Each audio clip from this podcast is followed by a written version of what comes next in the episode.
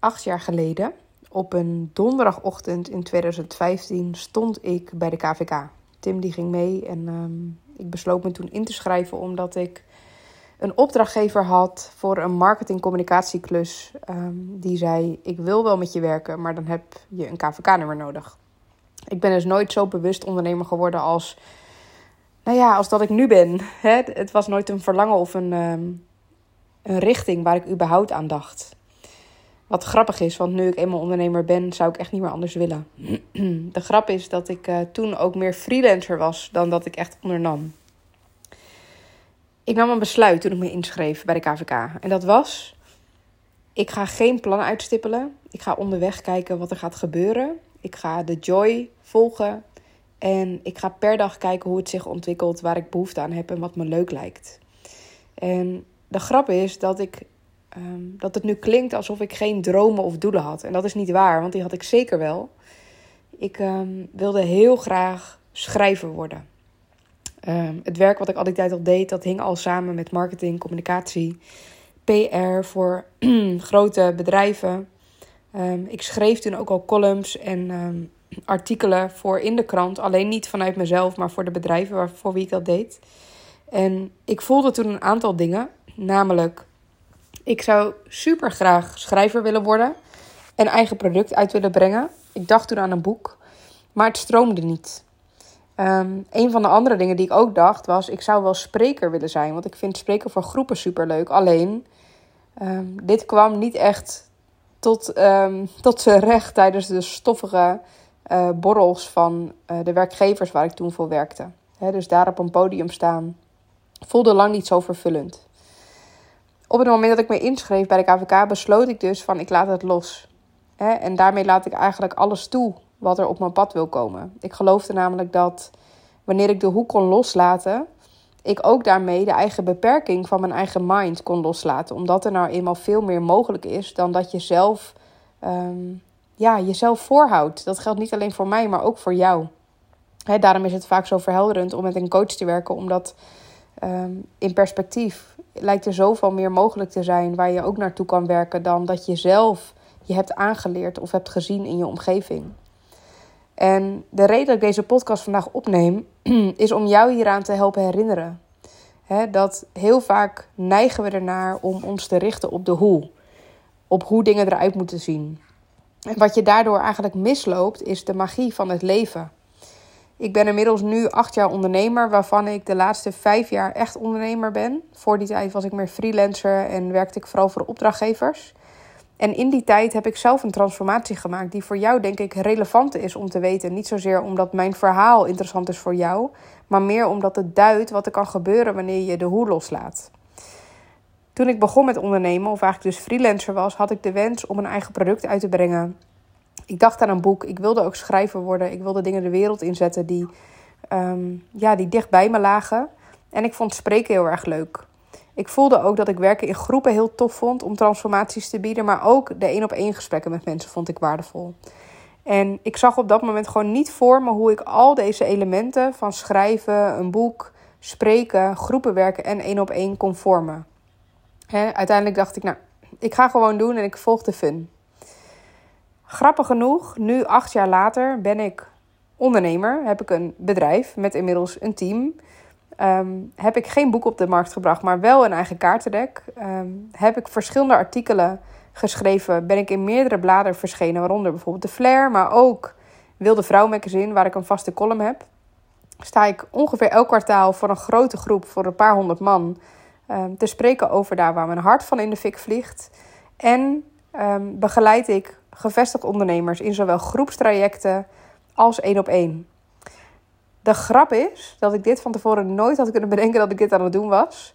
Vooral, en deze is belangrijk, omdat toen ik me inschreef bij de KVK, ik het opstellerschap niet eens kende.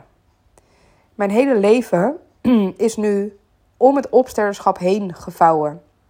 Hè, privé gezien heeft het me heel veel gebracht toen ik die opleiding een paar jaar geleden volgde. Um, onze kinderwens is in, in, vervulling gegaan nadat ik een opstelling heb gedaan over dat het dus niet lukte. Daar heb ik al eerder een podcast op, over opgenomen. Uh, we waren al drie jaar onderweg en toen in de opstelling bleek dat er geen ruimte was in ons gezin omdat Ovide op de kindplek stond. Onze hond Uh, vijf dagen daarna ben ik op de natuurlijke manier zwanger geraakt, terwijl we al drie jaar aan het proberen waren.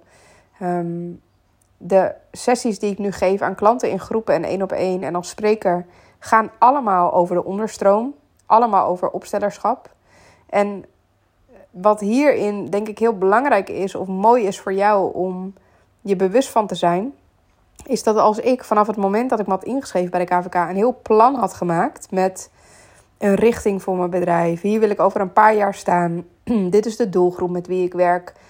Waarmee ik dus eigenlijk heel veel vanuit het hoofd had gedaan. Dan was ik alle parels onderweg waarschijnlijk niet tegengekomen. Het opstellerschap kende ik toen namelijk nog niet. Dus als ik toen was gaan plannen, had ik dit hele gedeelte gemist. dan had ik echt. Ehm, ja, dan had ik niet gevoeld wat voor mij was. Maar dan was ik gewoon gaan doen, gaan plannen, gaan uitrollen. En het mooie van op deze manier deze route bewandelen is dat ik nog elke dag leer en nog elke dag aan het voelen ben wat klopt er voor mij. En de reden dat ik deze podcast opneem is niet zozeer om. Ehm, nou, ik vind het altijd leuk om een stukje historie te delen. Dat vind ik ook altijd leuk om bij anderen te horen. Maar mijn historie is minder relevant voor jou. De vraag die ik aan jou wil stellen is: wat zou er gebeuren in jouw leven wanneer jij de hoe loslaat? Waar heb jij nu op dit moment in jouw leven nog een, echt een behoefte aan grip, aan controle, aan weten waar je aan toe bent? En wat zou er gebeuren? kijk even of je deze mee kunt visualiseren. Wat zou er gebeuren als je die twee knoppen visualiseert? Dus één knop die gaat over controle, weten waar je aan toe bent. En dus helemaal willen weten hoe het eruit ziet. En de andere knop gaat over ja, de fun volgen en per dag kijken hoe het zich ontwikkelt. Kijk eens wat er gebeurt als je die ene knop, die ene knop zachter draait. Hè? Dus misschien staat nu het willen weten, controle staat misschien wel op uh, volume 90 of 100. Kijk eens wat er gebeurt als je die draait naar 20. En ga dan eens naar die andere knop en draai die eens wat harder. Kijk eens of je die kunt draaien naar misschien 60, 70 joy. Um, naar meegaan met de flow. Per dag voelen waar je behoefte aan hebt dit gaat echt zoveel verschil maken in je leven wanneer jij je herkent in de term zwevend hoofd, in veel nadenken, veel plannen, weten waar je aan toe bent. Het is allemaal een vorm van controle willen houden. Waarschijnlijk omdat je op een bepaald moment in je leven dat niet had. En wat waardevol is ook om te weten, is dat het verder gaat dan alleen maar deze twee knoppen van controle. Of per dag voelen waar je behoefte aan hebt en kijken, kijken wat je leuk lijkt en dat volgen. Wil je namelijk überhaupt die tweede knop, dus dat volgen en follow the fun, wat harder willen draaien, dan heb je eigenlijk ergens altijd in je leven op dit moment iets los te laten. dus heel vaak gaat het niet alleen maar over iets aanpakken wat leuk is, wat tof is, wat je inspireert. Maar het gaat nog veel vaker over, nou wat heb ik los te laten, zodat je je handen vrij hebt om weer iets anders aan te pakken. Dat betekent dat je waarschijnlijk iets los te laten hebt wat je nu nog spannend vindt, omdat het nieuwe nog niet daar is. je komt dan in een soort twilight zone, heb ik het vaker over. Dus het oude kleeft nog een beetje aan je en het nieuwe is nog niet daar. Deze tijd is een ontzettend vruchtbaar fundament. Wanneer je namelijk tijd en ruimte hebt en je mind ook niet bezet is hè, met alles wat er nog moet gebeuren, met je huidige werk, je huidige klanten, je huidige niche, al die acties die daarbij horen als je die ook los kunt laten, heb je niet alleen maar in je agenda ruimte, maar ook in je mind. Je hebt headspace. En wat er gebeurt is wanneer je die toelaat, die ruimte, met de onzekerheid die daar ook bij hoort, hè, want je zit al in het niet weten. Ehm, en je richt je dan op nou, de drie B's. Ehm, bed, bad en bos. Dat zijn vaak de drie plekken waarin de ehm, beste ideeën ontstaan. Dan weet ik zeker dat het een hele vervullende tijd voor je kan worden. Als je maar ruimte durft te creëren. Als je dus die knop van het willen weten wat zachter kunt draaien en de knop van de fun wat harder wil draaien, um, helpt dat je, omdat als je dat elke dag bewust doet, om keuzes te maken die voor jou goed voelen in dit moment.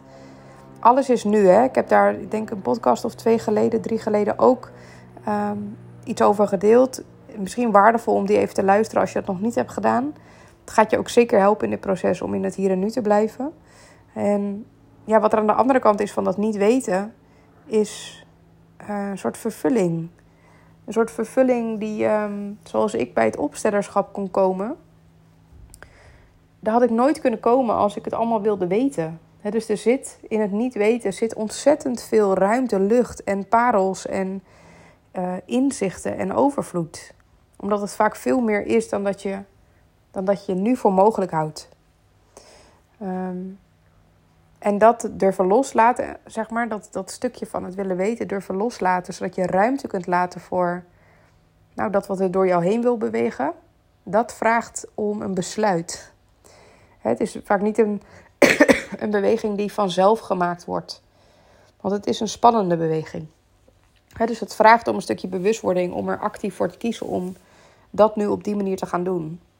En ik geloof dat je er misschien wel aan toe bent, want je luistert deze podcast nu. Dus ja, dat zou ook mijn uitnodiging zijn. Hè? Dus je kunt luisteren naar mijn verhaal van hoe ik de afgelopen acht jaar hier naartoe ben bewogen.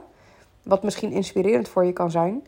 Maar voor mij zit ik ook non-stop in zo'n fase. Het is niet, ik heb dat nu gehad.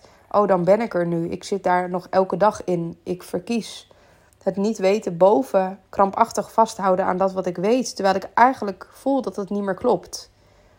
Hè, dat, ja, dit is belangrijk om met je te delen. Ik ga nog steeds door zulke fases heen. En het vraagt echt om een soort next level bewustzijn. Om om te kunnen gaan met soms het verdragen dat je het niet weet. En om mezelf er weer, als het weer over mij gaat, te herinneren aan dat het nu alles is wat er is. Te ademen, te gronden, voeten op de grond en te doen wat ik leuk vind. En ehm, ja, dat vraagt bewustwording. dus weet ook dat het meer een way of living is in plaats, in plaats van ik neem één keer dat besluit en dan ga ik, het, ga ik het op dat moment even doen en daarna zie ik wel. Het is een soort practice om, ehm, ja, om jezelf aan te leren dat dit ook kan. en stel dat het nou blijkt dat het helemaal niks is voor jou om in het hier en nu te zijn en het allemaal uh, niet te weten. En, het, uh, en je kijkt over twee jaar terug en je denkt, nou, dat heeft me echt niks opgeleverd. Nou, dan kan je het alsnog anders doen. Mijn ervaring is, is dat als je het eenmaal kan en je weet wat het je brengt, dat je niet meer anders wil. ik heb nog nooit iemand ervaren die zegt, uh, dat, nou, dat ga ik niet meer doen. Het geeft een bepaald soort rust om uh, op deze manier het leven te staan. Ook al is er heel veel onrust en heel veel niet weten. Dus hier bij de uitnodiging een paar vragen. Allereerst, wat heb jij nu los te laten waarvan je nu voelt dat het je eigenlijk al een tijd niet meer dient? En vaak is dat iets waarvan je dus niet weet wat er gaat gebeuren als je het doet. Ehm, als verdiepende vraag, hoeveel pijn moet het nog gaan doen? vaak zie ik dat mijn cliënten pas in beweging komen wanneer het heel erg zeer doet. Net als dat het makkelijker wegrennen is uit een brandend huis dan dat je uit een heel comfortabel huis weggaat. Um, Terwijl er wel aan de andere kant iets heel moois op je wacht. Hè? Dus je huis hoeft niet per se in de fik te staan om te vertrekken. Zo kan het ook zijn met je werk of met je gezondheid of met welk thema jij nu ook speelt. Hè? Dus hoeveel verder moet de fik nog gaan? En je mag je misschien al vertrekken terwijl je misschien het wel een 7 geeft of een 8. Maar omdat je gewoon voelt dat er meer vervulling mogelijk is. Als je dan iets hebt losgelaten. Ehm, ja, en je hebt ruimte. Dan is de uitnodiging om elke dag opnieuw te gaan voelen waar je behoefte aan hebt. En heel vaak gaat dat samen met een tijd van verbreding. Ik zie het bij cliënten die een nieuwe richting inslaan, dat ze eigenlijk altijd wel um, ja, zich gaan opgeven voor uh, nou, misschien een opstellingendag bij mij, of een retraite, of een schrijfcursus, of een uh, verdiepende training, of een workshop. Gewoon weer om even te voelen hoe het is om leerling te zijn en om um, te onderzoeken wat past. En uh, misschien is dat niet direct wat jij dan in je werk wil brengen, hè? maar gewoon meer voor jezelf om ja, die innerlijke beweging ook weer op gang te krijgen. Um, ik wil het hier even bij laten. Wat ik je vooral gun is dat uh, nu je deze podcast hebt geluisterd van nog geen kwartier, dat je hem in de praktijk gaat brengen. Dat is namelijk waar de magic happens. als je me vraagt welke cliënten um, hebben de grootste doorbraken, dan zijn het eigenlijk altijd degenen die aan de slag gaan met dat wat er naar boven komt in een sessie. En uh, ik wens jou hetzelfde toe dus niet dat je nu in het hoofd gaat, maar dat je eigenlijk juist in beweging komt. En dan gewoon eens kijken hoe de komende drie, vier weken zich ontwikkelen. Nou, dank voor het luisteren weer. Ik ehm, ga nog even een slokje van mijn thee nemen, want zoals je hoort uh, is mijn hooikoorts nog niet helemaal weg en heb ik een beetje een heese stem. Um, ik wens jou een heerlijke dag, middag, avond, nacht en uh, tot de volgende.